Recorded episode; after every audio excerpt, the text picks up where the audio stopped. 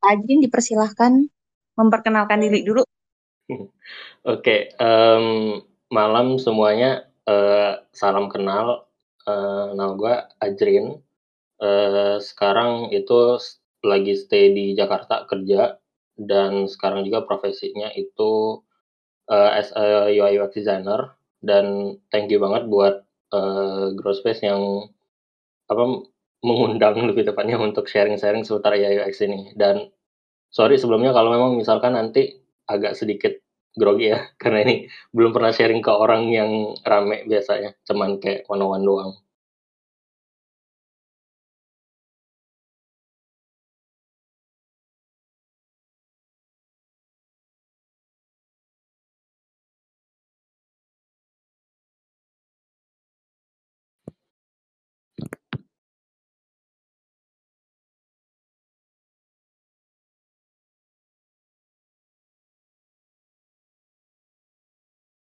Uh, Kak Ajin, suaranya Iya. nggak kedengeran?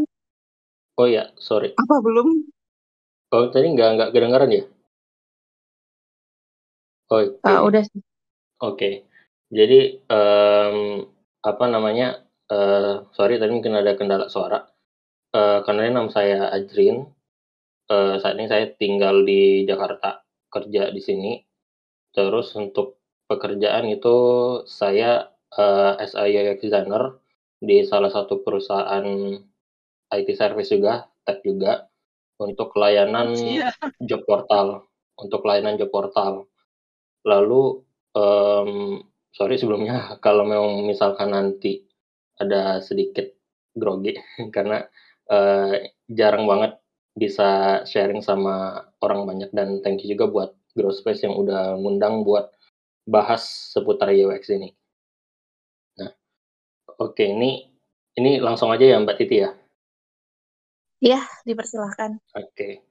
Jadi yang mau uh, saya bahas malam ini itu UI UX tapi untuk uh, di perusahaan. Jadi lebih tepatnya apa sih yang kita kerjain di perusahaan, terus kita kolaborasinya sama siapa, and then uh, gimana cara kita berkolaborasinya.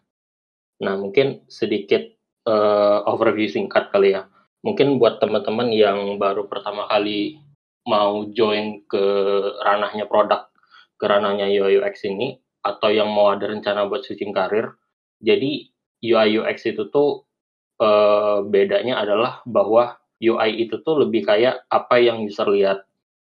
Terus kalau untuk UX itu apa yang user rasakan. Itu kalau misalkan kita analogikan secara kasar gitu loh, secara umum.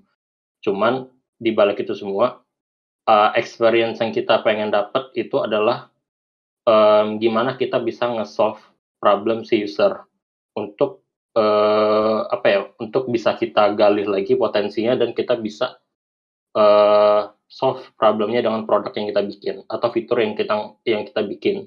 Nah, sebagai UI, UI kalau misalkan teman-teman ada yang mau karir ke UI atau ke UX, itu kalau saran dari saya sih fundamentalnya better uh, dimulai dari fundamentalnya dulu yang pertama ya mungkin semua orang tahu pasti dimulai dari design thinking, dari proses berpikir dan proses kerjanya bisa pakai design thinking atau ada juga yang lain seperti double diamond misalkan dan juga teman-teman di sini harus banget itu ngedalamin yang namanya principles. Nanti akan ada dibahas sedikit tentang design thinking sama uh, design principles. Dan untuk UI sendiri ini ada beberapa yang uh, saya kasih lihat. Ini apa yang biasanya UI kerja, uh, sisi dari UI kerjakan dan ini sisi dari apa yang UX kerjakan.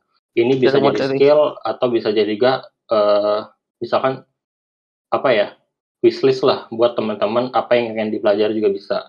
Jadi di UI ini kita uh, oh ya satu hal lagi. Kadang ada beberapa persepsi yang mikir bahwa UI dan UX itu tuh satu orang yang sama. Sebenarnya enggak juga di beberapa perusahaan bahkan idealnya itu ada UI-nya sendiri, ada tim UI designernya sendiri yang memang benar-benar fokus di UI dan ada juga orang yang benar-benar fokus di UX. Jadi eh, nggak semuanya satu orang desainer itu megang UI dan juga UX. Itu yang harus ditahu dulu sih. Nah, cuman kalau memang misalkan teman-teman di sini uh, single factor misalkan atau as a product designer yang baru itu pasti bakal uh, dapat dua role ini. Jadi pasti bakal ngerjain UI dan juga UX dan nggak kadang juga sesekali mungkin akan sedikit nge-research. Nah, terus kalau untuk kenalannya uh, design thinking, jadi ini proses yang teman-teman harus paham dulu dari awal bahwa untuk ngebuat sebuah produk ataupun membuat ngedevelopment sebuah fitur di produk itu ada beberapa pace. Nah, pace ini itu salah satunya uh, ini contoh yang saya ambil dari interaction interaction design, interaction foundation itu ada lima tahap. Itu ada emphasize, define, ideate, prototype dan test. Nah, uh, ini tuh yang jadi landasan dasar kita buat bikin produk.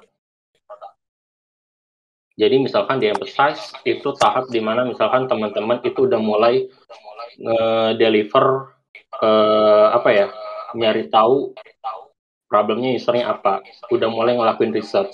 Itu tahap dari emphasize. Jadi awarenessnya itu udah diketahui di tahap ini.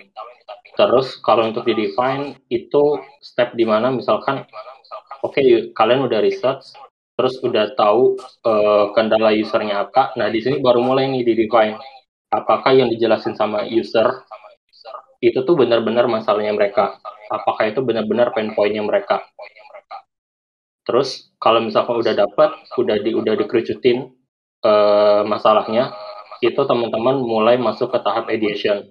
Di ideation ini itu teman-teman mulai ngejawab pertanyaan-pertanyaan user tadi yang jadi permasalahan.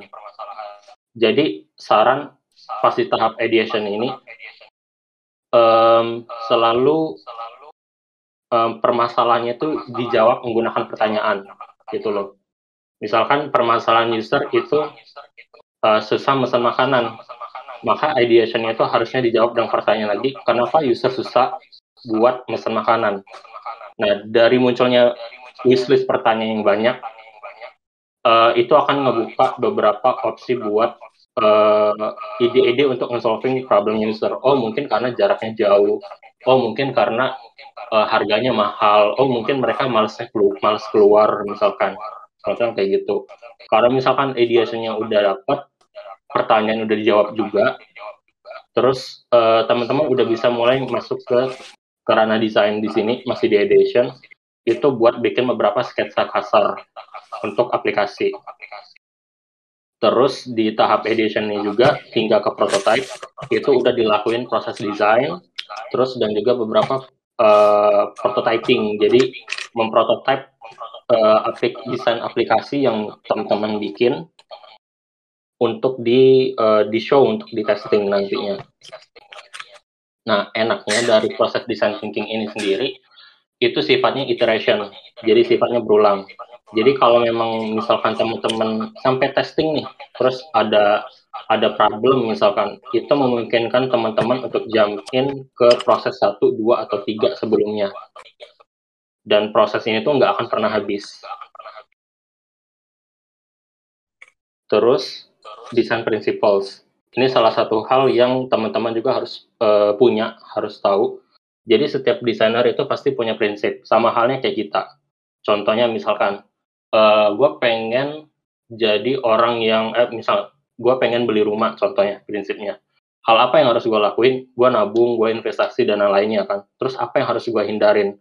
misalkan gue nggak foya-foya gue lebih hemat beli barang jadi prinsip gue tuh tercapai gitu loh dan ada tujuannya hingga kebelilah rumah contoh gitu nah sama halnya kayak desainer desainer juga punya prinsip nah prinsip di sini itu diambil dari uh, behaviornya user yang dilihat itu ya prinsipalnya itu mungkin bisa dilihat bahwa produknya itu harus yang mudah ditemukan, produknya itu bisa dilihat dan mudah dipahami, baik dari sisi fitur, sisi tujuan, ataupun dari sisi manfaat apa yang bakal dikasih ke user.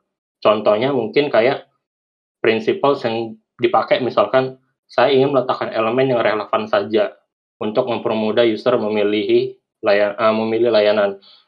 Uh, adalah kalau memang misalkan di satu halaman di satu halaman user itu eh, apa ya misalkan di satu halaman user itu terlalu banyak informasi gitu loh terlalu banyak button dan lain-lain itu akan memungkinkan user untuk tidak memilih layanan yang teman-teman pengen assign ke user pengen ngasih tahu. Misalkan di halamannya itu tentang landing page penjualan misalkan. Teman pengen uh, teman-teman pengen nge-track user ngarahin buat beli gitu loh. Jadi halaman yang user uh, yang teman-teman pengen itu harusnya mungkin yang clean, langsung nunjukin mungkin review produknya, etalase produknya. Jadi nggak harus uh, banyak gambar, banyak ornamen dan lain-lain yang bisa bikin distraksi user biar bounce gitu buat nggak jadi beli uh, produknya teman teman-teman gitu. Nah untuk uh, lanjutannya mungkin teman-teman ini bisa lihat di principles design. Principle design itu isinya beberapa prinsipal di perusahaan bahkan sejenis Facebook, Tokopedia, Twitter itu mereka punya prinsipalnya sendiri. Jadi prinsipal sendiri juga bakal mengacu ke psikologi khususnya. Jadi kayak gimana uh, user itu bisa tetap stay di halaman kalian dengan jangka waktu yang lama. Itu juga bisa ditentuin dengan principles.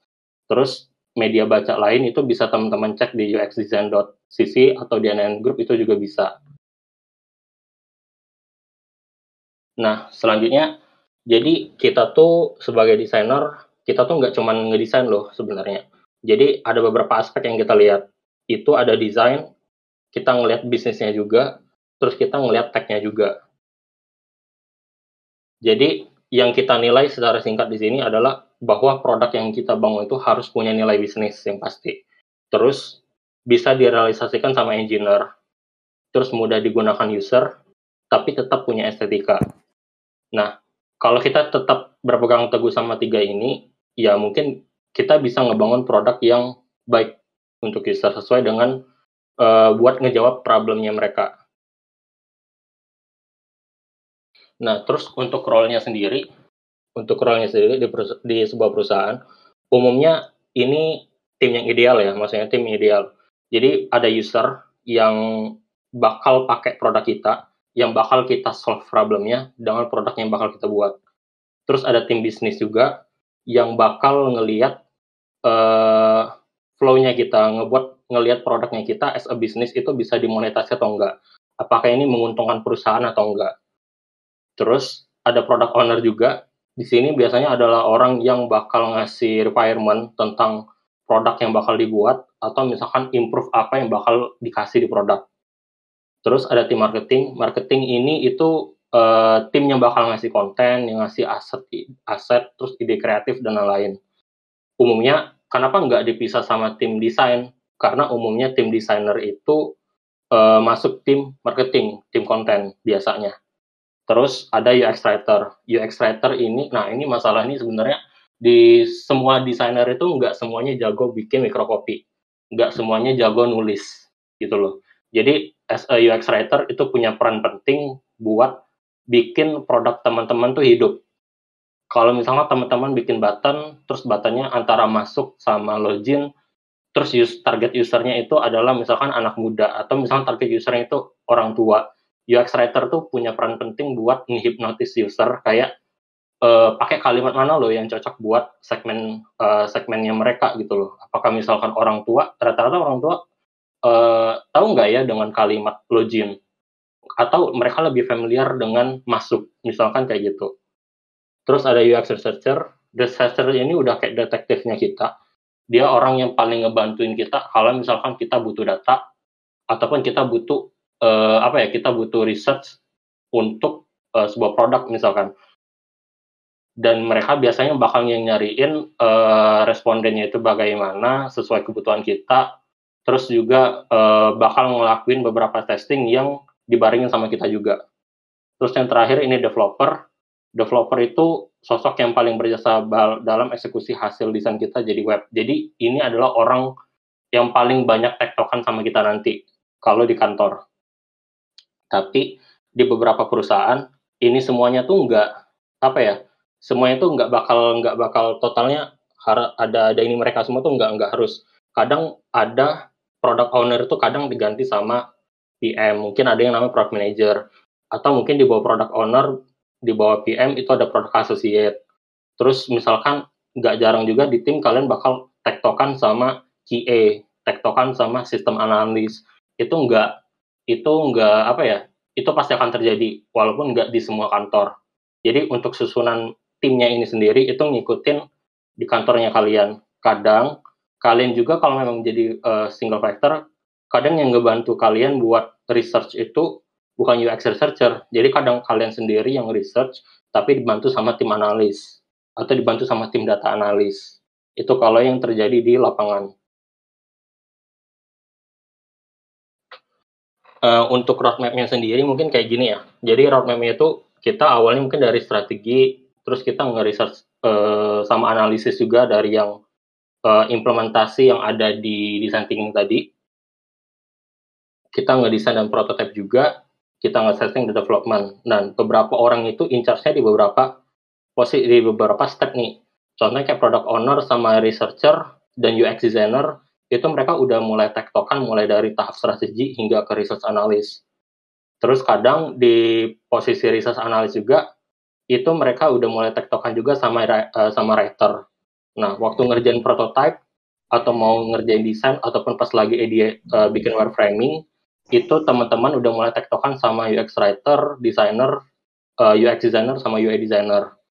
Terus juga uh, di bagian testing nanti ada kerjasama sama researcher juga.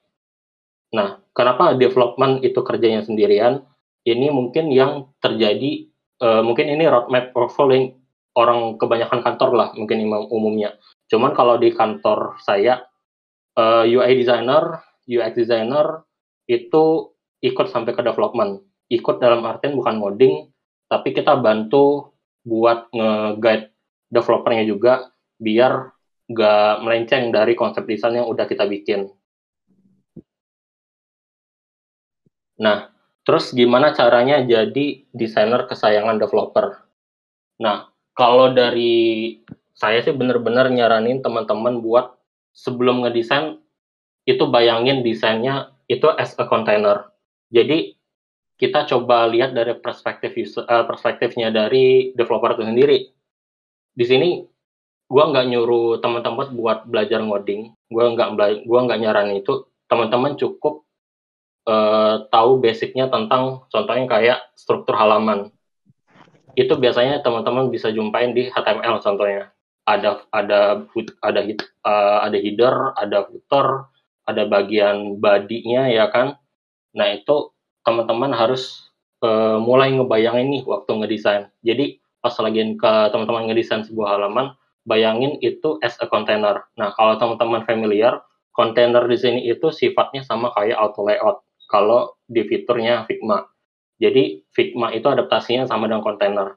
Jadi sebis usaha mungkin uh, bayangin deh imagine bahwa kalau misalnya di coding nanti bakal kayak gimana ya tampilannya.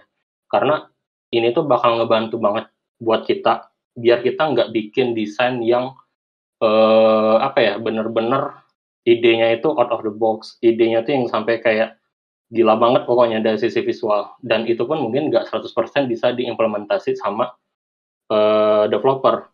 Karena kita tahu strukturnya kayak gimana kita tahu susahnya kayak gimana kita bisa bikin uh, halaman yang sesuai dengan uh, kemampuan dari developer kita gitu loh. Mungkin bakal jadi lebih mungkin teman-teman ide awalnya pengen yang keren banget misalkan ya kan? Mungkin nggak bisa terjadi tuh di sprint awal ya kan? Mungkin bisa di next enhancement di sprint kedua ketiga selanjutnya mungkin baru bisa jadi. Atau di next fitur update selanjutnya baru bisa dijadiin. Jadi karena fokusnya kita tuh awalnya kan MVP ya kan awalnya itu MVP minimum valuable product. Jadi gimana caranya kita bikin produknya itu bisa dipakai dulu? Yang penting ada hasilnya dulu. Karena uh, fokusnya dia dari UI UX itu sebenarnya bukan di proses tapi di hasil. Proses yang panjang kalau nggak ada hasilnya itu sama aja kayak nggak guna gitu loh. Jadi mending bikin uh, prosesnya itu jelas metodenya cepat ya kan? Terus ada hasilnya. Karena pengembangannya itu bakal jalan di beberapa sprint ke depannya. Sama halnya kayak Gojek. Teman-teman yang pakai Gojek yang pernah pertama kali yang halamannya standar banget itu cuma bisa antar antar jemput doang. Tapi sekarang jalan-jalan terus sudah nambah. Ada GoFood ada go tiket dan lain-lain ya kan? Karena semuanya nggak akan mungkin idenya tuh dari awal udah bisa ditaruh pas pertama kali Gojek dibikin. Rencana mau bikin tuh mungkin. Tapi nggak mungkin dong langsung di langsung ditandem langsung di awal jadi pasti dibikinnya bertahap. Sama halnya kayak gini. Jadi penting banget buat teman-teman lihat uh, kemampuan dari timnya juga. Terus naming dan struktur. Ini PR yang banyak banget dari setiap desainer pasti itu masalah naming. Jadi uh, urusan naming itu teman-teman mesti tektokan juga sama developer khususnya. Karena kalau memang misalkan di tingkat yang lebih tinggi lagi teman-teman harus belajar uh, bikin desain sistem yang lebih proper misalkan itu bakal ngebantu developer, analis dan juga buat teman-teman desainer yang lain yang kerja sama teman-teman. Nah, di contoh ini itu mungkin ada satu layer nama yang kurang bagus kayak uh, ada grup di dalamnya ada grup lagi ada grup lagi itu contohnya mungkin teman-teman kalau di handover ke orang lain tuh orang bakal bingung kok grup ini isinya grup lagi ya? Kenapa nggak di naming? Orang nggak tahu isi grupnya itu apa kalau misalnya ada expand. Jadi better dijelasin uh, grupnya apa terus isinya apa. Nah teman-teman bisa ngambil sampel uh, konsepnya HTML tadi. Jadi mungkin teman-teman bisa kasih nama header nih misalkan. Namanya header misalkan namanya header terus header jelasin di dalamnya header tuh ada apa oh header berarti di, di dalam di, di dalamnya ada header atau mungkin ada beberapa komponen lain. Terus ada uh, ada body nih, ada badannya. Body body itu isinya apa? Ya mungkin udah masuk ke konten, isinya kan isinya udah masuk konten, terus udah masuk card, uh, isi dari tiap menu, ya kan. Jadi balik lagi ke prinsip awal, bayangin uh, ngelihatnya tuh dari sudut pandang developer juga. Terus Nah, ini juga nih uh, salah satu hal kasih notes, kasih annotation di setiap halaman teman-teman. Karena ini tuh fungsinya tuh uh, bagus apa ya? Fungsinya tuh terasa banget kalau misalkan teman itu handover ke developer, uh, ke developer. Nah, um, kan di Figma ada fitur komen, ya misalkan kita tag aja developernya. Ini dari pengalaman ya, dari pengalaman nggak semua developer itu ngebukain uh, komennya teman-teman. Komentar yang teman-teman pin itu nggak semuanya dibuka. Ya kan? Jadi better mending dikasih annotation. Dan kalau udah annotation tuh udah pasti kelihatan sama uh, developernya. Untuk annotationnya ini sendiri itu teman-teman bisa kasih info misalkan kayak interaction behaviornya apa yang terjadi. Misalkan dia kalau diarahin kursornya itu bakal hover atau kalau diarahin itu bakal ada animasi yang gerak-gerak misalkan. Atau kalau di over dia ada suggestion key. Eh, kalau misalnya dia di kolom pencarian kalau diketik ada suggestion key. Jadi pas diketik admin nanti ada suggestion bawahnya ada admin staff ada staff admin ada admin operator dan lain. Itu teman-teman bisa kasih di sini. Dan at least ini juga ngebantu developer buat front end sama back end khususnya. Kalau misalkan mereka mau set API Nah, terus ini juga yang paling riskan itu ajak PDKT developersnya. Jadi kebanyakan developers uh, beberapa cerita kenapa um, desainer eh kenapa developers itu misalkan banyak meme kayak uh, ngejahatan nih nge ngejahatin desainer misalkan misalkan desainer ngasihnya desainnya yang susah-susah terus sini dong ikut ngoding misalkan biar ngatain rasanya. Nah ini penting banget buat teman-teman ajak PDKT developersnya. Jadi ajak kerja developers itu bukan pas mau deliver kerjaan doang, tapi kalau bisa libatin pas dari tahap ideation, pas lagi tahap wireframing itu udah mulai uh, PDKT-in sama developers. PDKT di situ bukan dalam artian developers yang dia ajak buat ikut nimbrung bikin wireframe tuh enggak, tapi lebih ke kitanya aja nanya ke uh, developers di luar dari yang kerja atau di luar dari kerjaan ini. Misalkan contoh kayak uh, gua ada gua ada bikin fitur nih disuruh bikin di, uh, disuruh bikin uh, filter gaji misalnya filter gaji filter gajinya ini cuman gue nggak tahu tampilannya tuh oke okay mana ya apakah oke okay by input atau bagusnya tuh di versi slider gitu loh. Range gajinya dicari pakai slider gitu. Nah mulai aja dulu dari obrolan kayak gitu biasanya developer tuh ngasih pandangan mereka juga. Karena misalkan uh, ini better mungkin lebih enaknya slider sih dia bilang alasannya tuh di tag gini gini gini ya kan.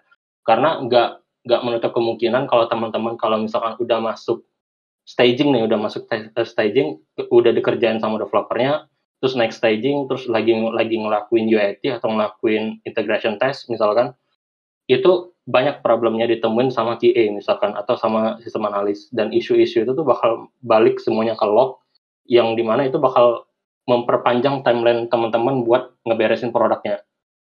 Jadi balik lagi ke uh, konsep MVP awal, kalau memang di awal itu bagusnya uh, mana yang paling bisa menghasilkan ada option yang input tadi, kerjakan input tadi misalkan. Terus nanti kalau memang better untuk yang di sliders, mungkin kita lihat dulu responnya setelah di production testing dari uh, user yang asli misalkan. Nah itu bisa jadi pertimbangan buat enhance ke depannya.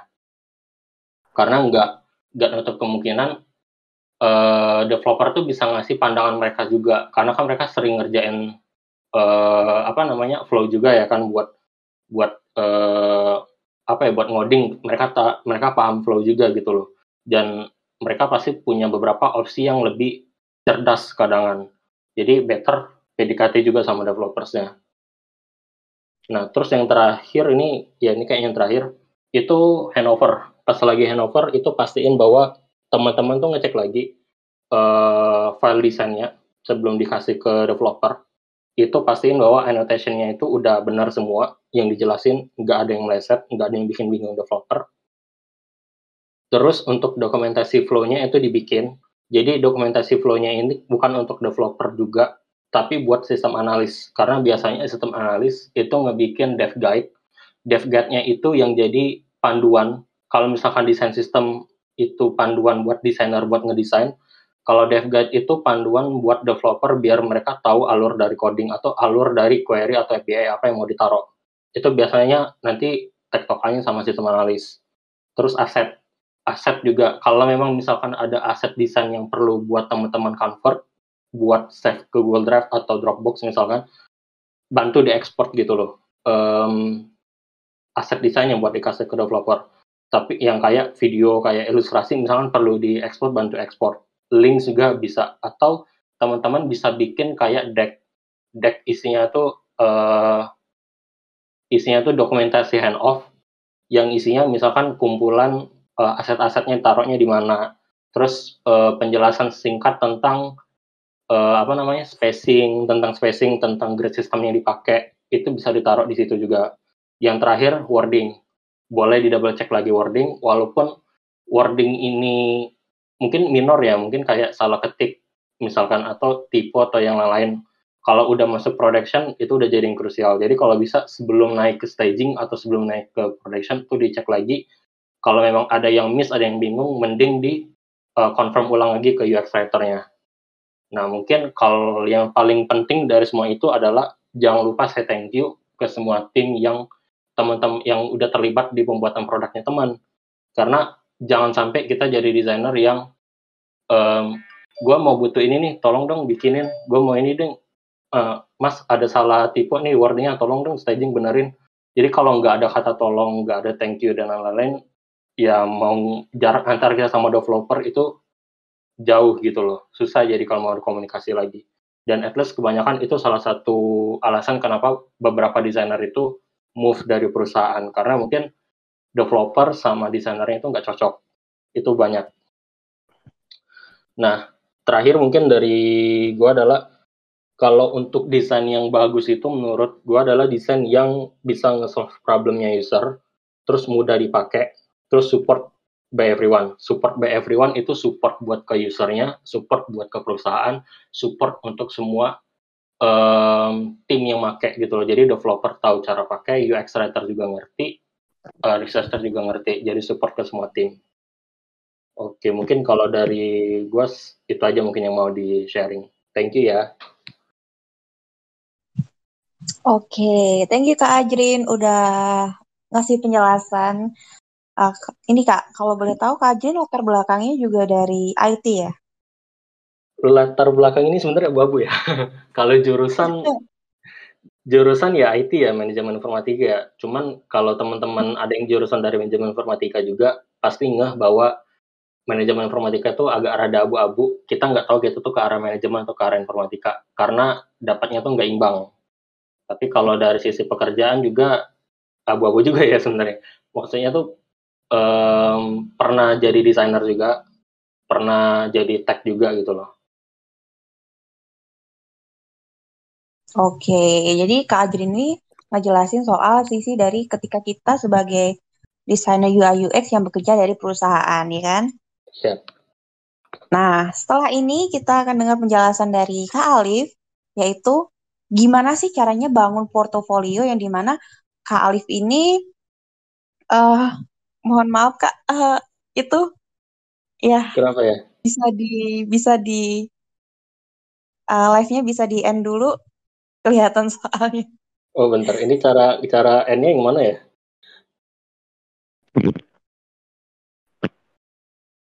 Um, bentar. Coba masuk ke Discord deh, Rin. Oke, oh Sharin harus Ya, masuk ini ya. Oh, ya. Oke deh. Oke, thank you. Ya. Oke, nah ini kalau Kak kan emang dari backgroundnya IT, terus dia sekarang jadi des- desainer UI UX di perusahaan. Nah, eh, untuk narasumber selanjutnya yaitu Kak Alif, eh, bisa perkenalkan diri dulu. Oke, boleh. Makasih Kak, dan makasih juga Growthspace sudah eh, ngundang saya untuk jadi pembicara di sharing session di Kubis pada malam hari ini. Perkenalkan semua, eh, perkenalkan semuanya, malam semuanya. Nama saya Alif Prasetya. Eh, dan juga makasih juga tadi untuk Kak Adrian udah udah sharing tentang UI UX. Nah, kalau dari saya sendiri, saya ingin sharing gimana saya bisa terjun ke UI UX. Karena background saya sendiri bukan IT ataupun eh, desain ataupun graphic designer. Kayak gitu. Eh, saya izin berkenalan dulu. Saya Alif eh, nama saya Alif Prasetya. Background pendidikan saya itu D3 Elektro di suatu politeknik di Jakarta. Habis itu untuk pekerjaan saya saat ini eh, sebagai UI designer di eh, konsultan konsultan firm di Jakarta dan sudah berkarir bekerja di perusahaan tersebut selama satu setengah tahun seperti itu. Habis itu eh, mungkin ada yang belum ngeh tadi eh, penjelasan tentang UI UX, saya sedikit ngejelasin. Jadi UI itu user interface dan juga UX itu user experience. Jadi sederhananya atau simpelnya UI itu apa yang kita lihat sehari-hari sebenarnya nggak nggak selalu tentang digital produk, bisa apa pun itu, misalnya kayak rumah. Misalnya kayak rumah, sebuah rumah itu, kalau kita lihat aja itu namanya UI. Tapi kalau kita udah masuk, kita jelajahin ke kamarnya, atau ke kamar mandinya, atau ke taman belakangnya, misalnya itu namanya user experience-nya. Bagaimana kita menjelajahi rumah tersebut. Nah, itu kalau kalau analoginya ke rumah. Habis itu kalau kita balik lagi ke digital product, ataupun ke pekerjaan, eh, role-nya sendiri itu banyak. Jadi nggak nggak bukan di desain bukan desain aja. Jadi role-nya UX sendiri itu ada uh, UI uh, UI UX designer, ada UX writer, ada UX researcher. Itu beda-beda role-nya, nggak nggak melulu tentang desain. Nah, kalau tadi udah uh, Kak Ajrin udah share tentang UI UX di pekerjaan, kalau saya ingin share bagaimana saya terjun ke UI UX ini. Di mana latar belakang saya itu background saya bukan graphic designer ataupun bukan uh, IT seperti itu. Jadi pertama itu di gimana saya bisa pindah karir dari elektro yang seharusnya saya bekerja sebagai elektro ataupun sebagai teknik lalu ke IT itu diawali di pertengahan tahun 2020. Di pertengahan tahun 2020 itu semester akhir saya di eh, kampus di kuliah gitu. Saya lagi ngerjain tugas akhir, tapi saya eh, bingung nih eh, saya harus kerja apa habis lulus gitu kan. Saya bingung ngelamar di mana, terus eh, sebenarnya nggak nggak terlalu suka banget sama elektro, tapi harus ngejalanin ini gitu. Habis itu saya eh, pokoknya banyak pertanyaan di otak saya, di diri saya ke diri sendiri gitu kan. Misalnya kayak, eh tadi kerja apa? Habis lulus, habis itu eh, pekerjaan apa sih yang sebenarnya lagi dicari orang? Gitu. Atau enggak eh, sebenarnya gue bisa apa sih? Dan dan gue eh, gue suka apa sih? Gitu kan. Pertanyaan itu eh, saya kumpulin. Habis itu ya udah karena sebenarnya tuh eh, selain saya kuliah elektro, saya juga sebenarnya itu senang desain gitu. Tapi desainnya bukan Photoshop ataupun graphic designer, tapi sekedar kayak desain Canva gitu. Jadi desain senang senang ngedesain dan juga senang melihat desain-desain yang bagus, yang rapi kayak gitu gitu. Habis itu eh, setelah saya resah gitu kan, saya bingung selalu mau kerja di mana, ngelamar di mana. Akhirnya saya mutusin sebelum lulus itu, sebelum lulus kuliah, saya nyempetin belajar-belajar tuh. Pertama belajar eh, desain atau enggak. Pertama tuh bukan belajar desain langsung sih. Pertama tuh belajar eh, coding dulu, belajar programmer, jadi programmer gitu kan. Karena saya rasa di dalam produk ini butuh seorang developer gitu. Butuh seorang developer. Jadi saya belajar coding, tapi nggak nggak terlalu lama sih. Saya belajar di YouTube-nya eh, Web Programming Unpas. Itu banyak banget kalau misalnya kalian senang coding. Nah, habis itu karena saya rasa itu apa nggak terlalu suka ngoding juga dan mak- maksain, akhirnya ak- nggak suka. Akhirnya ya udah mutusin untuk stop uh, belajarnya kayak gitu. Habis itu karena di 2020 itu lagi hype banget tentang UI UX, saya pelajarin ininya uh, demand-nya gitu kan. Apa sih yang dibutuhin perusahaan, apa sih yang dibutuhin orang kayak gitu. Nah, dari situ saya lihat tuh artikel di Medium misalnya bedanya UI sama UX apa, habis itu UX tuh role-nya apa aja. Dari situ juga sebenarnya nggak langsung mutusin jadi desainer, nggak langsung gitu juga. Tapi saya lihat dulu dari UX writer tuh eh, gimana ininya pekerjaannya, job desk tuh apa aja gitu kan. Habis itu UX researcher ngapain aja gitu. Habis itu UX design ngapain aja. Sampai akhirnya saya mutusin ya udah saya UI UX designer aja deh fokus di situ aja soalnya UX researcher itu apa nggak nggak ngedesain kan. Saya kan seneng ngedesain tapi dia nggak ngedesain walaupun ada UX-nya ada title UX-nya kalau UX writer lebih ke permainan kata gitu kan. Misalnya orang seneng cerita atau seneng seneng nulis itu bisa cocok ke UX writer. Kayak gitu. Habis itu eh, long story short akhirnya saya belajar. Di pertengahan tahun 2020 itu saya belajar UX designer.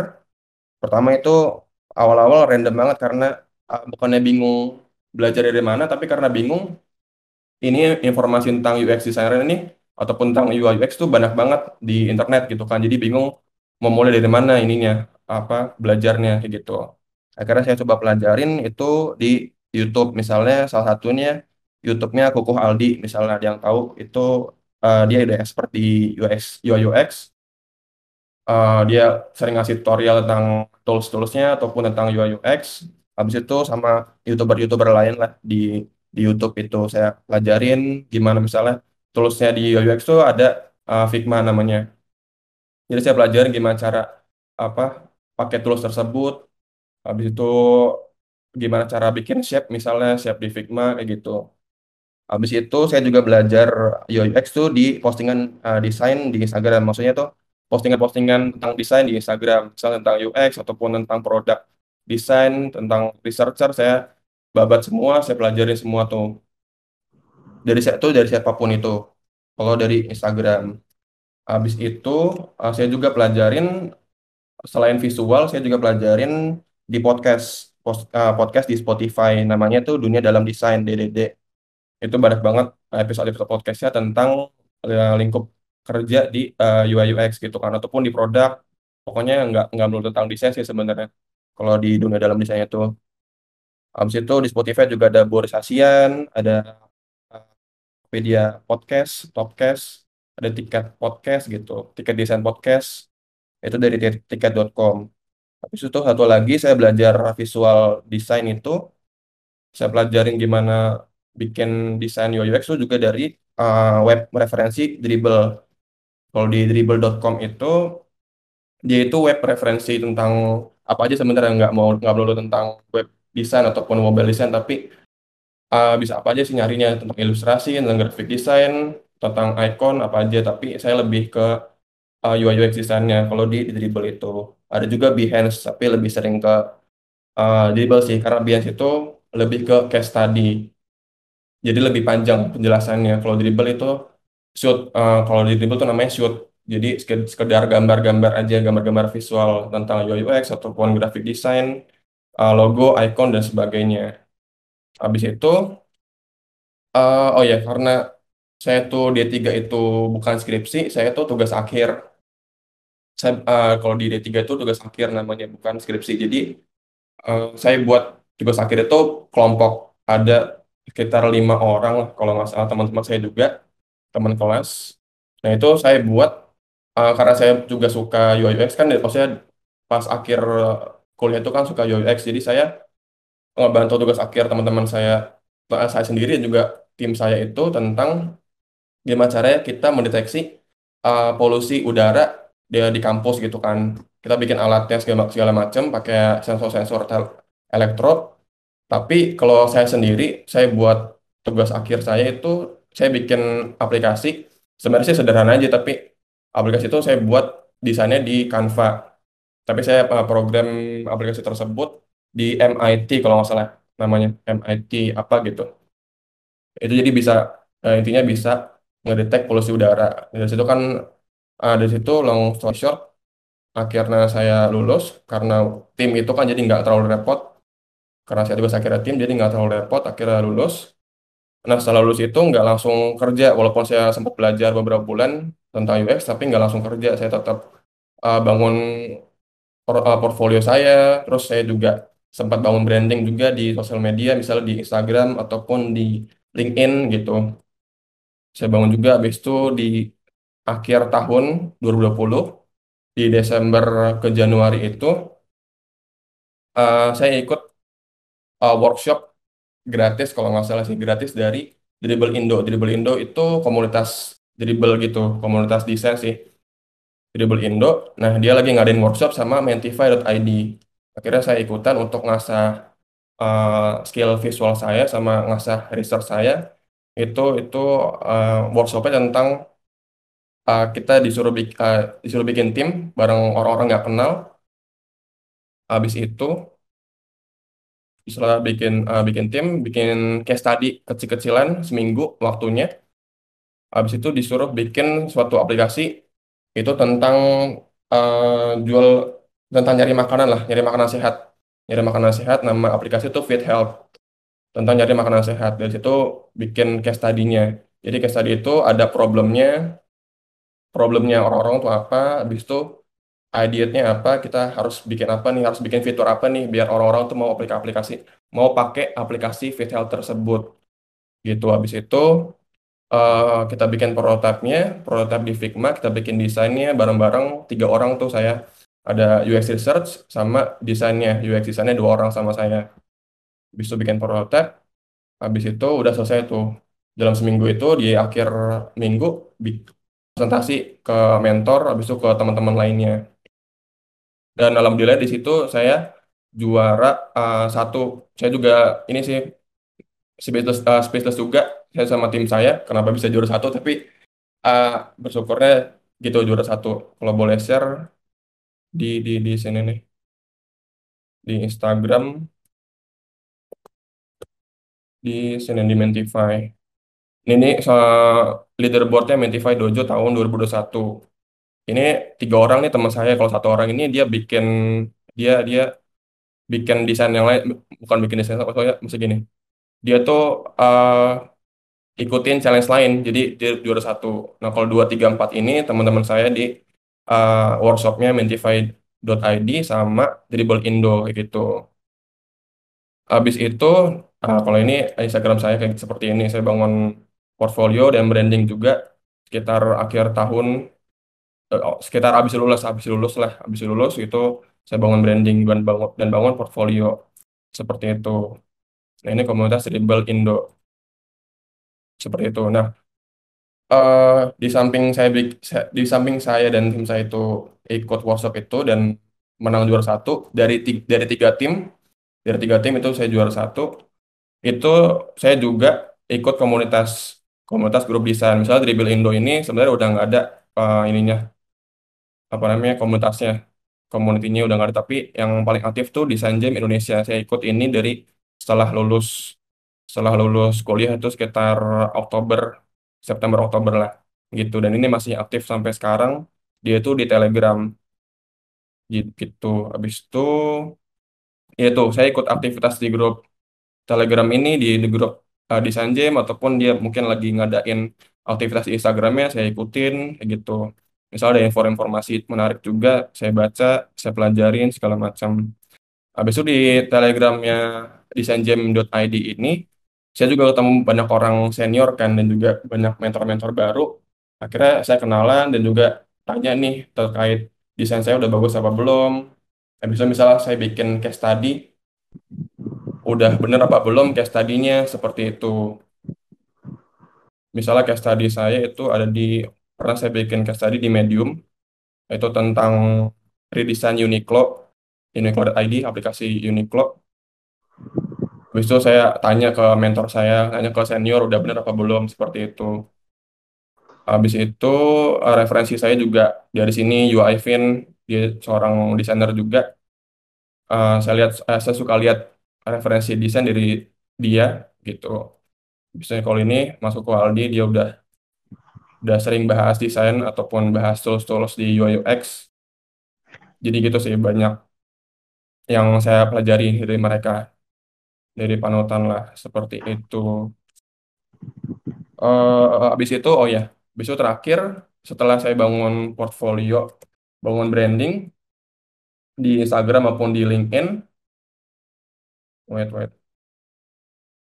Setelah bangun portfolio di Instagram maupun di LinkedIn, saya share portfolio saya, saya kenal sama orang baru segala macam. Di um, bulan Maret ataupun Februari atau Maret gitu. Oke, setelah 2021 di awal-awal itu, akhirnya saya di approach sama uh, seorang desainer di kantor saya yang sekarang ini, di approach di, approach sama dia, diajak lah kita lagi butuh kita lagi butuh UX, UX designer nih gitu, kamu mau masuk nggak, kamu mau join nggak gitu. Akhirnya karena saya juga lagi apply-apply kerjaan, mau itu intern ataupun full time, ya udahlah saya saya coba tanya gimana kerja, gimana kantornya segala macam. Akhirnya ya udah di bulan April saya first time dapat uh, pekerjaan full time di salah sebagai UX designer. Seperti itu sih. Dan kebetulan juga sekarang lagi dengerin juga uh, dia di kubis ini di meja hijau orangnya. Seperti itu sih kurang lebih uh, dan teman-teman cerita saya pengalaman saya sebagai UX designer.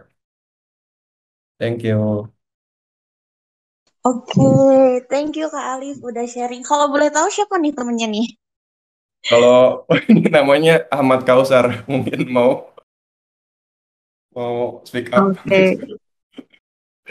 Iya namanya Ahmad Kausar dia. Oke, jadi uh, meskipun Kak Alif ini nggak dari background IT, tapi bisa ya, sebenarnya kalau mau Hmm. terjun di dunia UI UX. Iya, Karena yang terpenting kalau kalau aku uh, dengar atau cerna dari penjelasan Kak Alif, yang dibutuhin pertama adalah memang niatnya ya, niatnya emang Hmm. mau belajar, mau belajar tentang UI UX. Terus yang kedua apa um, lihat lihat potensi gitu. Hmm. Entah Benar-benar. potensi dari diri, entah potensi dari lingkungan. Contohnya kayak Hmm. Kak Alif ini tadi jelasin kalau uh, tugas akhirnya dia Alif bikin UI UX gitu Hmm. kan. Iya benar. Itu itu juga Iya. bisa buat buat portofolio lah ibaratnya kan Hmm. biasanya kalau orang mau mau rekrut kerja kan biasanya ditanya gitu. Kamu Iya. tugas akhirnya ngerjain apa nih gitu. Hmm. Nah, tugas akhir ini juga bisa nge-push gitu loh, ngebantu untuk ngelamar kerja gitu. Hmm. Terus yang kedua, eh yang ya kalau yang kedua, yang ketiga itu dari lingkungan, Hmm. right? Iya. Jadi Kak Alif eh, selain apa lihat potensi, dia juga cari lingkungan yang di mana bisa mensupport dia, seperti gabung komunitas, terus apa ikut-ikut lomba gitu kan, ikut Hmm. ikut perlombaan yang di mana itu bisa menunjang karirnya dia. Hmm. Iya benar banget sih. Dan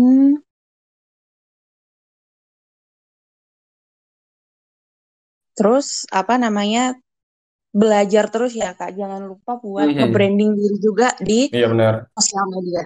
Hmm. Iya kasih tahu orang-orang Ya. juga kalau misalnya kamu bisa apa, jadi orang-orang tahu gitu. Kamu skill apa, kamu bisa apa, kamu suka apa gitu. Kalau diam-diam aja kan jadi orang nggak tahu.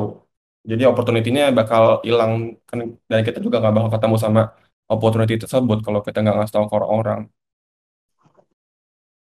Oke, jadi Mhm. kuncinya juga jangan malu gitu ya. Iya benar benar. entah apa entah orang bilang bilang kita kayak terlalu membanggakan diri bisa ini bisa itu no guys Iya. Mhm. karena perusahaan juga lebih lihat potensi kalian gitu seperti apa jangan malu buat nunjukin apa yang kalian bisa apa yang kalian punya Mhm. Bener banget, bener banget. Oke eh, thank you Alif buat sharingnya Yap, untuk membangun portofolio di bidang UI UX oke Siap, thank you banget. Iya, sama-sama Kak. Kita next ke narasumber selanjutnya, yaitu ada Musa. Dia akan menjelaskan tentang bagaimana bekerja UI UX secara freelance. Kan kalau dari dari Kak Ajin sendiri itu eh, bekerja di perusahaan, Kak Alif juga bekerja dari perusahaan, tapi dia lebih ke bagaimana kita membangun portofolio gitu. Eh, bagaimana kita membranding diri gitu biar perusahaan juga bisa ngelirik kita gitu. Nah, kalau UI UX dalam segi freelancer ini akan dijelaskan oleh Musa. Musa boleh perkenalan terlebih dahulu? Halo, halo, halo. Denger gak nih suara? Oke. Eh, bisa agak keras suaranya? Tes, tes. Nama aku nggak alumni Hogwarts kan? Oh enggak. Oh enggak, aman. Oke, Di sini di sini namanya Musa Alfarid. oke, oke, sip. Oh iya, saya orang Jawa kok. Oke. Oke, mungkin aku perkenalan dulu sekaligus screen share screen aja kali ya. Hmm, hmm, hmm. Oke, kelihatan? Eh, kelihatan share screenku? Oke. Hmm, Oke, aku berterima kasih kepada eh, moderator dan juga pemateri dua sebelumnya karena aku nggak hafal namanya lupa sorry.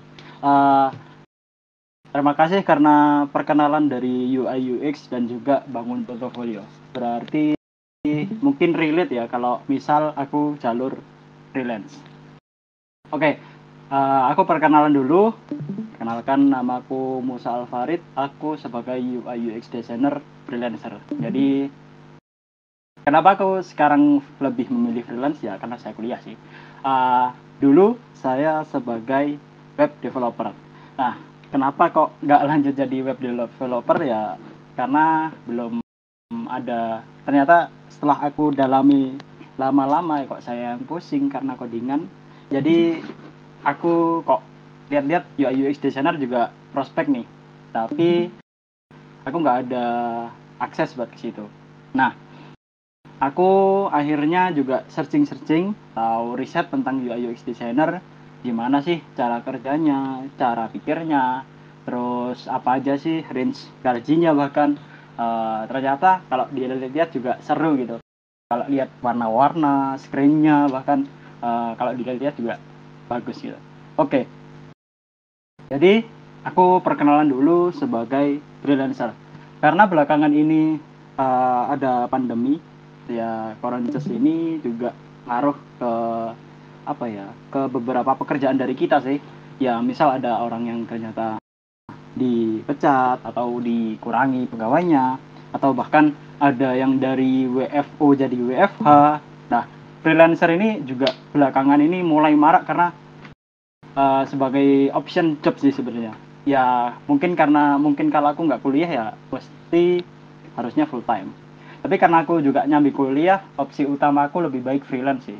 Nah, kali ini aku uh, freelancer di Upwork sama Fastwork. Nah, dan juga di seperti di tulisan PPT ini di dunia freelancer juga menawarkan kesempatan luar biasa untuk mengontrol cara bekerjamu.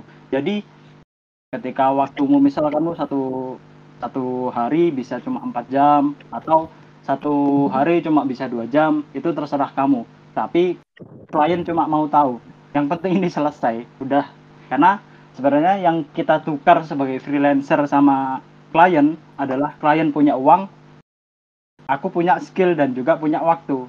Nah, aku nge-convert skill, pengalamanku, waktuku menjadi uang itu tersebut. Jadi nilai tukarnya seperti itu.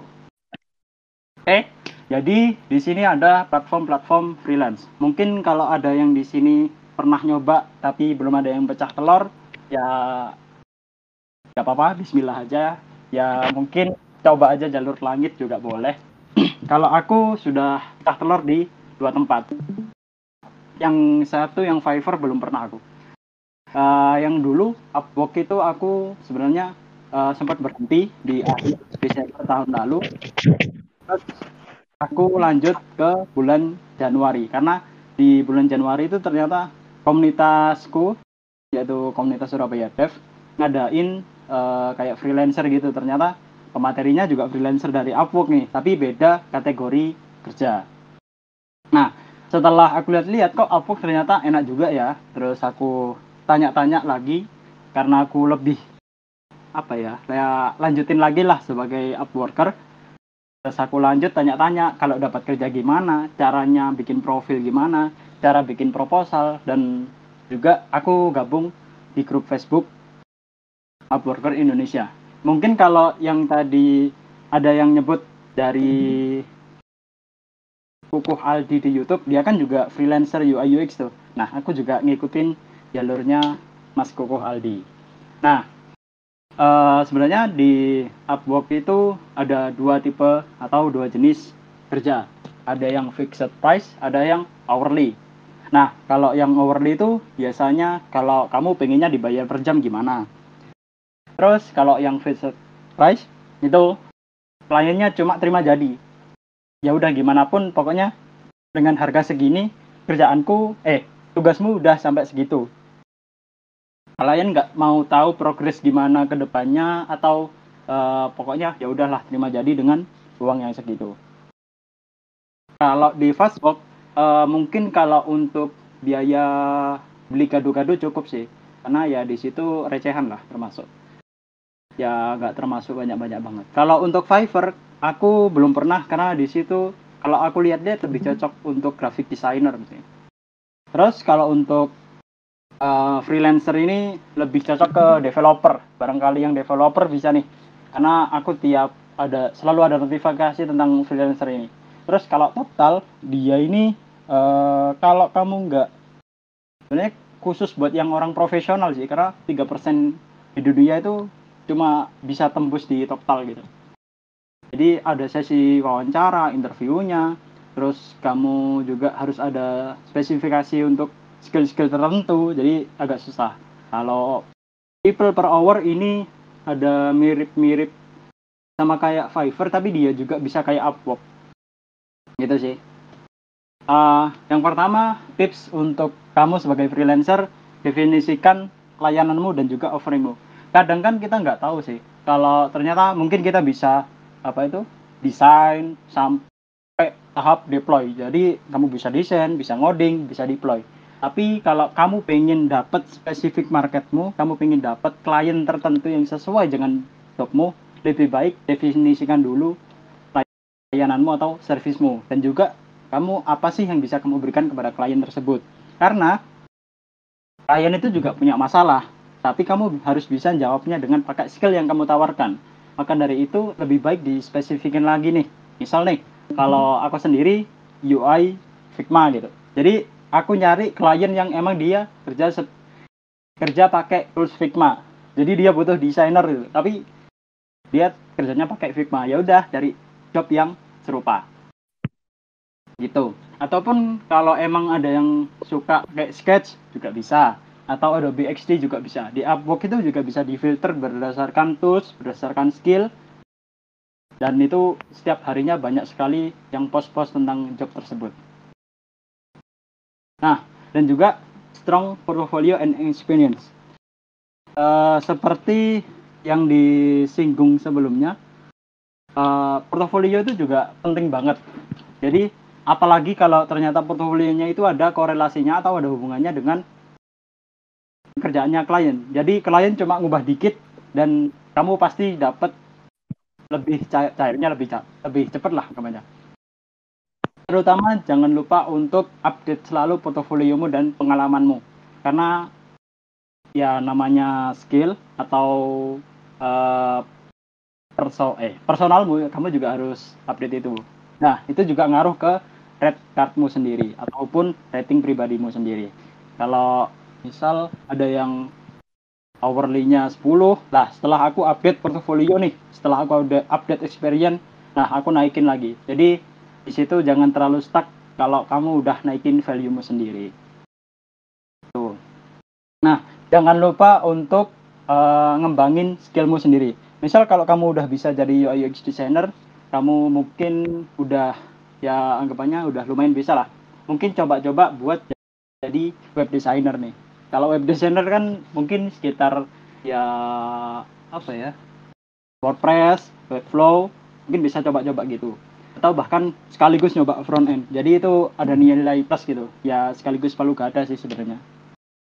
Nah, kalau pengen yang lebih efisien lagi, ya sekaligus bentuk tim juga. Karena aku juga sebagai UI UX itu juga punya tim juga. Misal nih, kalau ada ternyata klien pengennya full project gitu. Dari dari tahap UI dari tahap slicingnya dari tahap back endnya bahkan.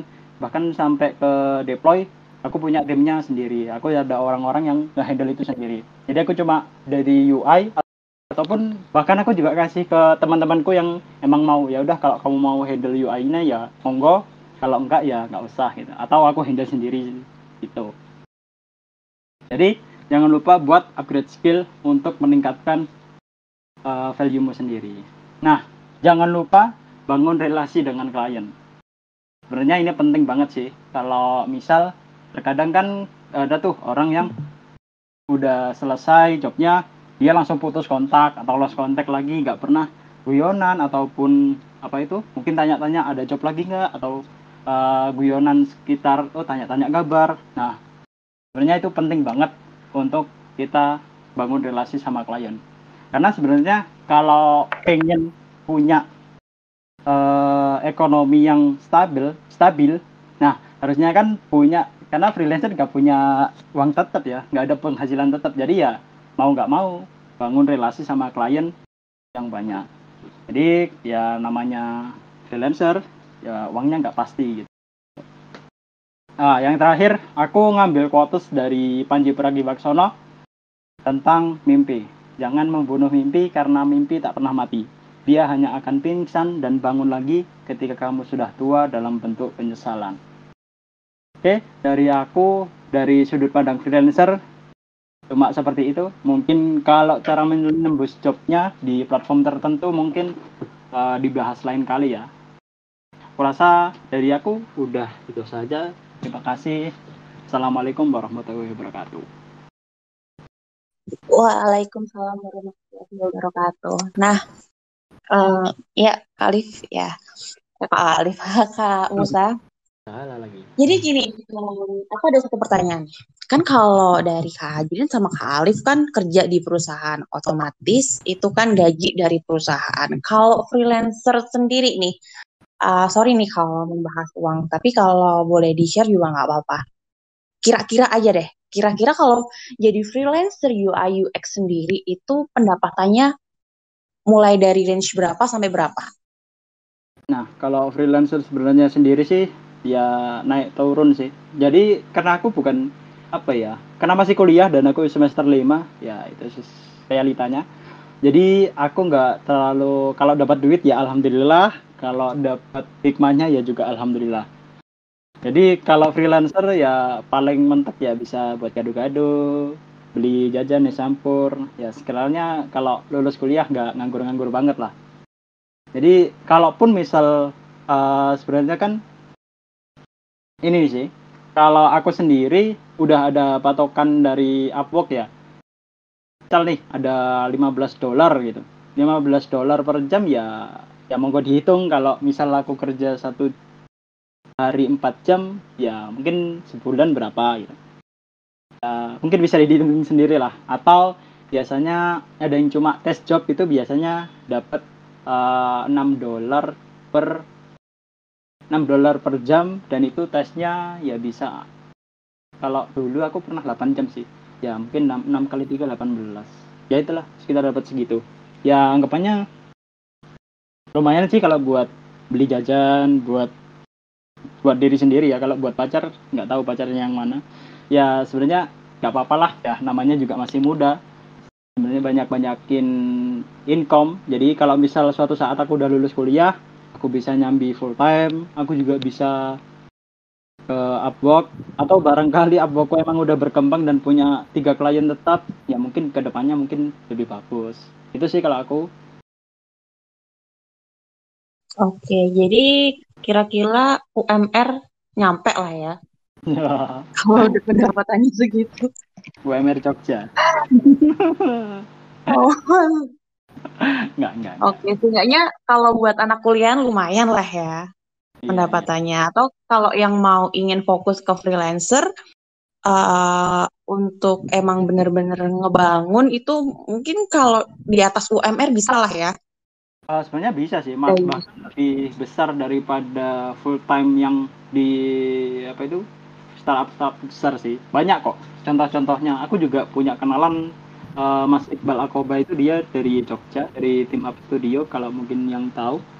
Eh, dia juga per bulannya eh, ini kalau yang aku spill dari biaya ini ya.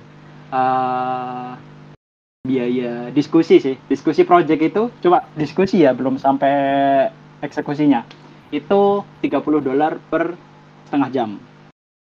Ya mungkin kalau dihitung-hitung ya lebih besar uh, dihitung-hitung lebih besar daripada yang full time job gitu.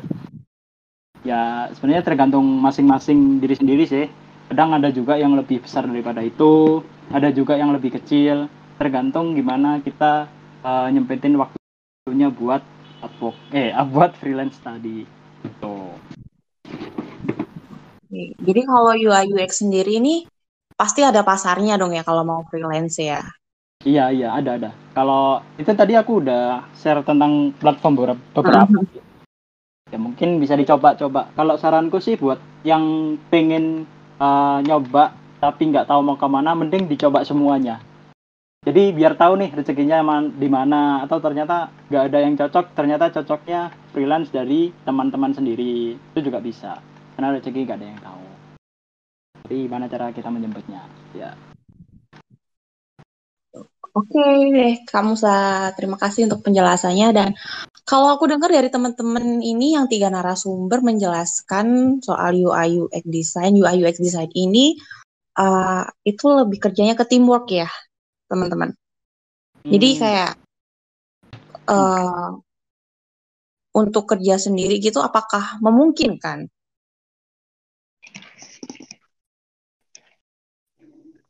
Kalau dari Kak Ajrin atau Kak Alif? Em, kerja sendirian ya? Sebenarnya sebenarnya masih possible sih untuk kerja sendirian. Dalam artian kalau untuk proses desain bisa aja sendirian. Kalau memang teman-teman di kantor itu dapat role-nya as a UI UX jadi megang-megang benar-benar megang gitu loh.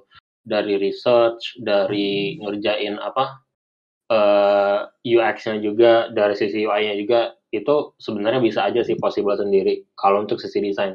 Tapi kalau untuk sisi server, kalau ada butuh data-data, ya minimal sih tetap harus tetap harus apa ya, tetap harus oper gitu loh.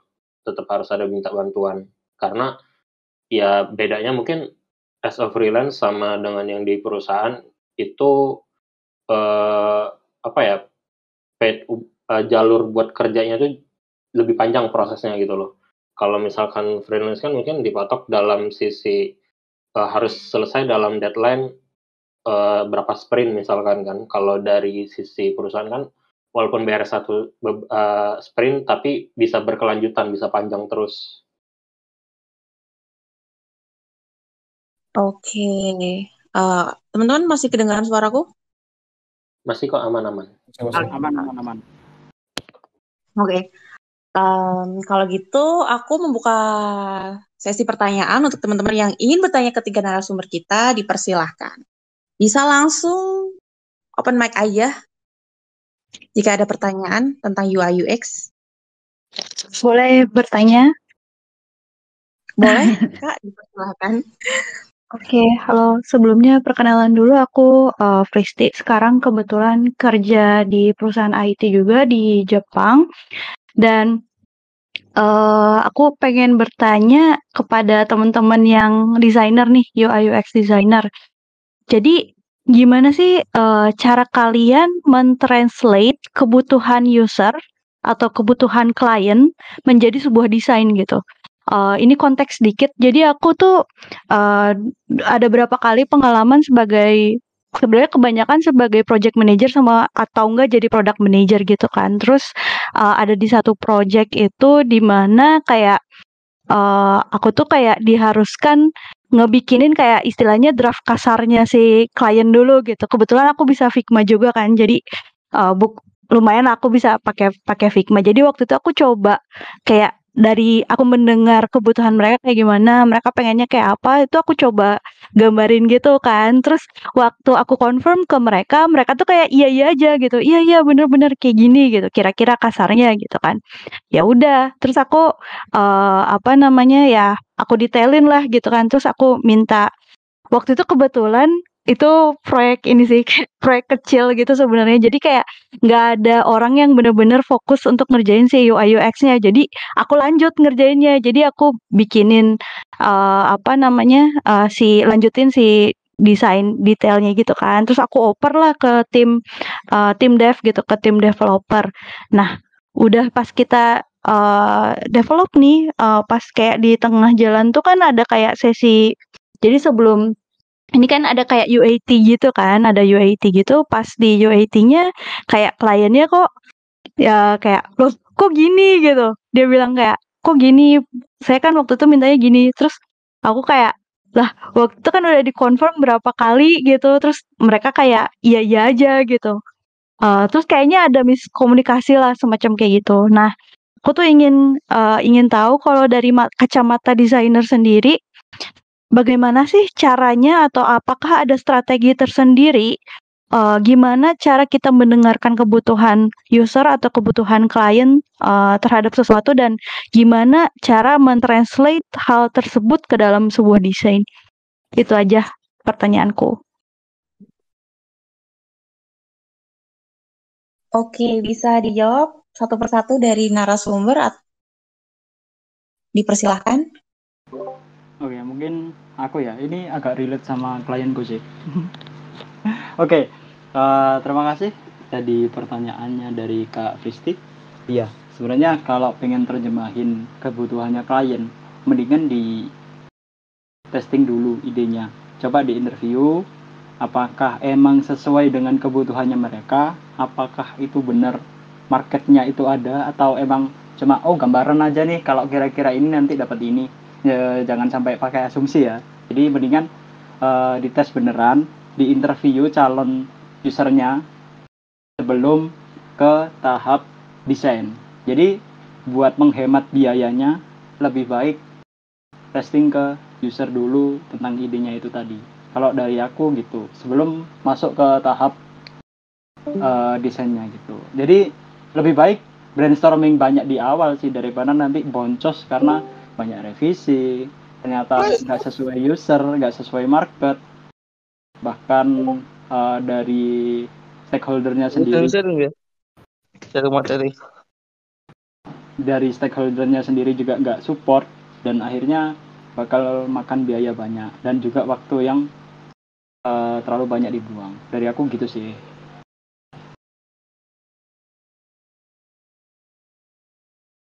Oke, apakah dari narasumber lain ingin menambahkan Dari atau boleh? sependapat? Boleh, ya persilahkan. Oke. Mau nanya dulu ke Kak Fristi, itu berarti pas UAT uh, udah di develop ya apps-nya ataupun webnya? Lagi uh, Iya. Nah, udah develop. Oke, okay, berat. Uh, Oke, okay. kalau dari pengalamanku sendiri itu uh, jadi seorang developer itu punya punya apa sih namanya punya guide sendiri. Misalnya komponennya seperti ini seperti A ada template sendiri gitu. Jadi kalau misalnya Kak Fresti kakak uh, misalnya Kak Fresti nyoba ngedesain suatu komponen A ataupun ngedesain screen A komponennya kayak gini buttonnya kayak gini kartnya seperti ini. Nah itu uh, kalau saran aku dari aku sih coba ngobrol dulu ke developer bisa nggak bikin seperti ini kayak gitu. Jadi kalau misalnya beda bang uh, beda banget nih desainnya nih sama developer pas di UAT kok beda kata klien gitu kan. Nah, Berarti mungkin template dari developer sini aku juga nggak terlalu ngerti ya. Cuma yang dari pengalaman aku seperti itu. Jadi seorang developer tuh punya template sendiri ataupun komponen sendiri yang biasa dia buat gitu. Kalau misalkan rada susah ataupun beda sama template yang dia bikin, yaitu ntar malah jadi beda banget sama desain yang Kavristi bikin seperti itu sih. Jadi perlu ada komunikasi dulu sama developer selain sama selain sama uh, calon user dan sama uh, kliennya. Seperti itu sih kalau dari aku. Thank you. Kalau gue mau nanya sih sebenarnya, kalau dari kondisinya cerita dari Kak tadi, kalau boleh tahu, yang bikin gak cocoknya itu dari sisi tampilankah atau dari sisi goals yang uh, aplikasinya itu tadi? Apakah nggak sesuai dengan ekspektasinya si mereka?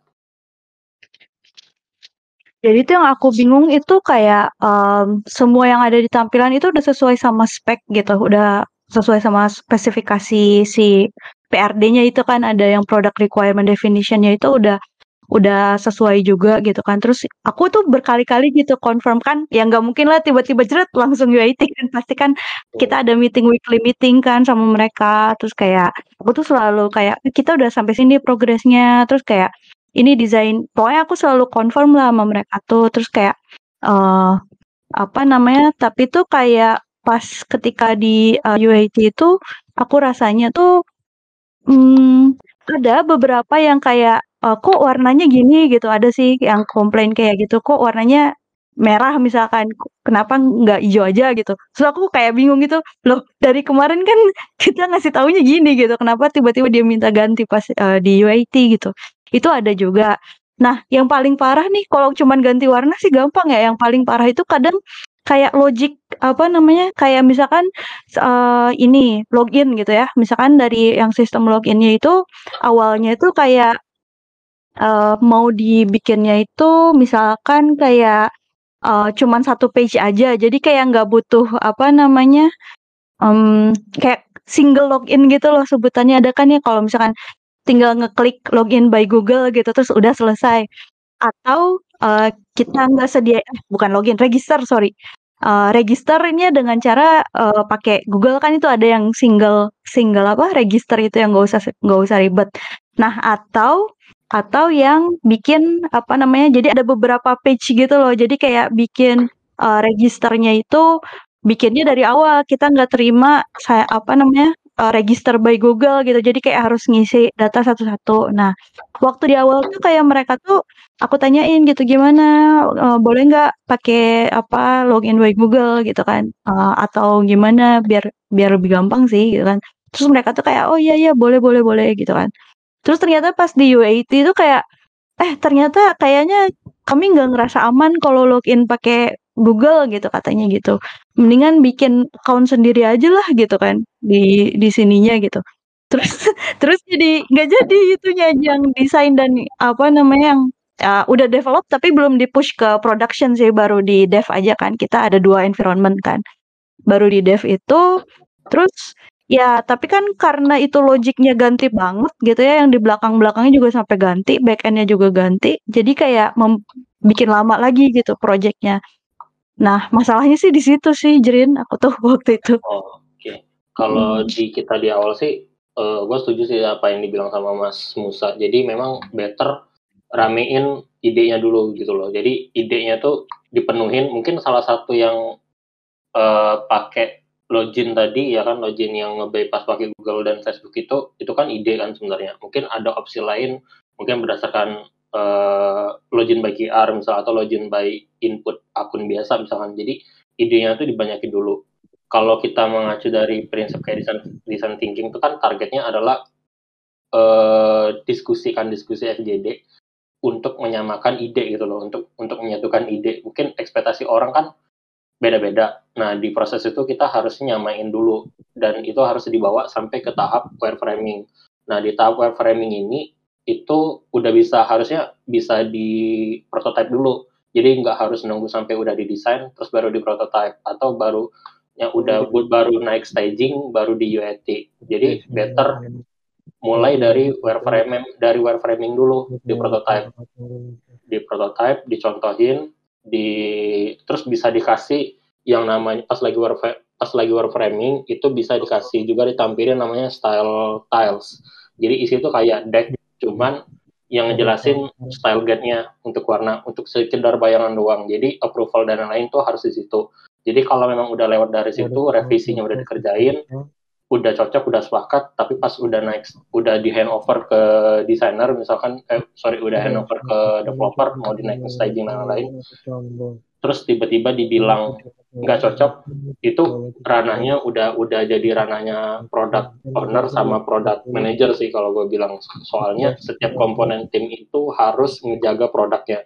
Jadi tugas kita tuh di developer, designer dan lain-lain kalau udah sampai udah masuk production atau staging itu jangan sampai ada perubahan lagi gitu loh. Jadi kalau memang udah sampai sana eh di, biasanya kalau di kantor ya, kalau di kantor itu pernah juga kejadian kayak gini. Itu sama product on sama product manager atau ownernya itu ya produknya dijagain, kita kasih argumen gitu loh kenapa eh nggak boleh dirubah. Misalnya kenapa nggak rubah misalkan timelinenya udah deket, udah limit banget misalkan udah deket sama target kita mau live product misalkan target usernya udah nunggu misalkan kayak gitu kan. Ya mungkin bisa di testing dulu jatuhnya. Jatuhnya dari UT dulu. Jadi UT dulu kalau emang efek betternya untuk dirubah ya kalau itu memang emang riskan ya memang memang gede ya misalkan.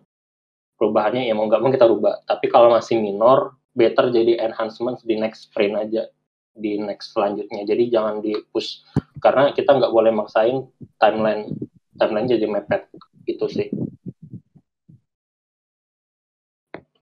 I see, makasih. Apa namanya? Aku juga uh, yang tentang dikerjain di next development gitu, itu kita jadi kayak bikin version apa kayak misalkan sebelumnya versi 1.0 terus bikinnya 1.1-nya gitu ya. I see, I see. Sama tadi ide yang brainstorming di awal itu bener deh, uh, bagus banget, kerasa banget. Aku juga ngerasa kayaknya salahnya aku waktu itu tuh karena apa ya, kayak um, menganggap gampang project gitu loh. Jadi waktu itu memang kayak simple, uh, mereka itu mintanya kayak sangat simple gitu, cuman berapa page doang, cuman emang mainnya tuh banyak di belakang pakai AI gitu sama uh, machine learning gitu di belakangnya gitu kan, back end-nya yang paling ribet tuh. Cuman karena nganggap gampang, kita tuh jadi nggak ada biasanya tuh ada design thinking ada design thinking sama desainer yang beneran. Tapi waktu itu kayak desainer benerannya dialihkan ke project yang lebih besar nilainya gitu loh. Dan kita tuh emang literally kekurangan orang waktu itu. Cuman karena nggak ada waktu buat nyari orang, jadi kayak ya udah sih gitu gambar uh, orang mintanya gampang, cuman beberapa page dan desainnya tuh cuman istilahnya cuman kayak list nama orang gitu kan. Terus itu kan gampang ya, maksudnya nggak perlu indah-indah gimana gitu kan. Jadi kayak menganggap gampangnya di situ dan makanya agak kecele gitu loh karena nggak ada step by step yang benernya gitu interview apa UX interviewnya nggak ada design thinkingnya nggak ada gitu kan sesi design thinking nggak ada dan brainstormnya juga kurang gitu kayaknya waktu di awal makanya pas UAT kena gitu tapi uh, dapat banget sih ide-ide dari kalian yang tadi tentang apa gimana uh, jangan langsung di staging memang harus di wireframing dulu itu apa wireframing dulu terus kayak MVP segala macam itu dapat banget sih. Makasih banget ya semuanya. Tercerahkan. Sama-sama, Kak.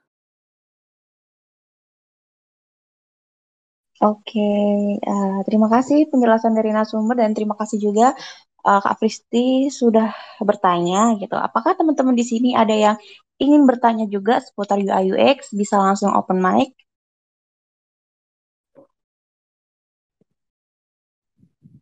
Oke, baik. Kalau dirasa udah tidak ada pertanyaan lagi dan sudah jelas dengan penjelasan dari narasumber, untuk sesi kubis membahas soal UI UX, aku akhiri dulu ya teman-teman karena ini sudah berjalan hampir satu setengah jam. And thank you juga buat narasumber yang udah hadir, teman-teman yang udah join di meja hijau di sesi kali ini. Dan untuk sesi UI UX ini juga tenang aja kok, yang terlambat-terlambat ada rekamannya nanti. Oke, okay, bisa langsung menghubungi RT atau admin di sini. Gitu. Oke, untuk sesi kali ini aku akhiri ya. Terima kasih semuanya yang udah hadir, yang udah nyempetin waktu. Terima kasih juga buat narasumber yang udah nyiapin materi-materinya, ngasih penjelasan, bahkan ngasih pencerahan juga buat teman-teman yang bertanya. Gitu. So, thank you and see you next event. Ya, thank you Kak. Thank you semuanya. Thank you semuanya. Makasih Kak Ajrin, makasih Kak Alif, makasih Musa. Thank you, thank Thank you you. guys. Siap.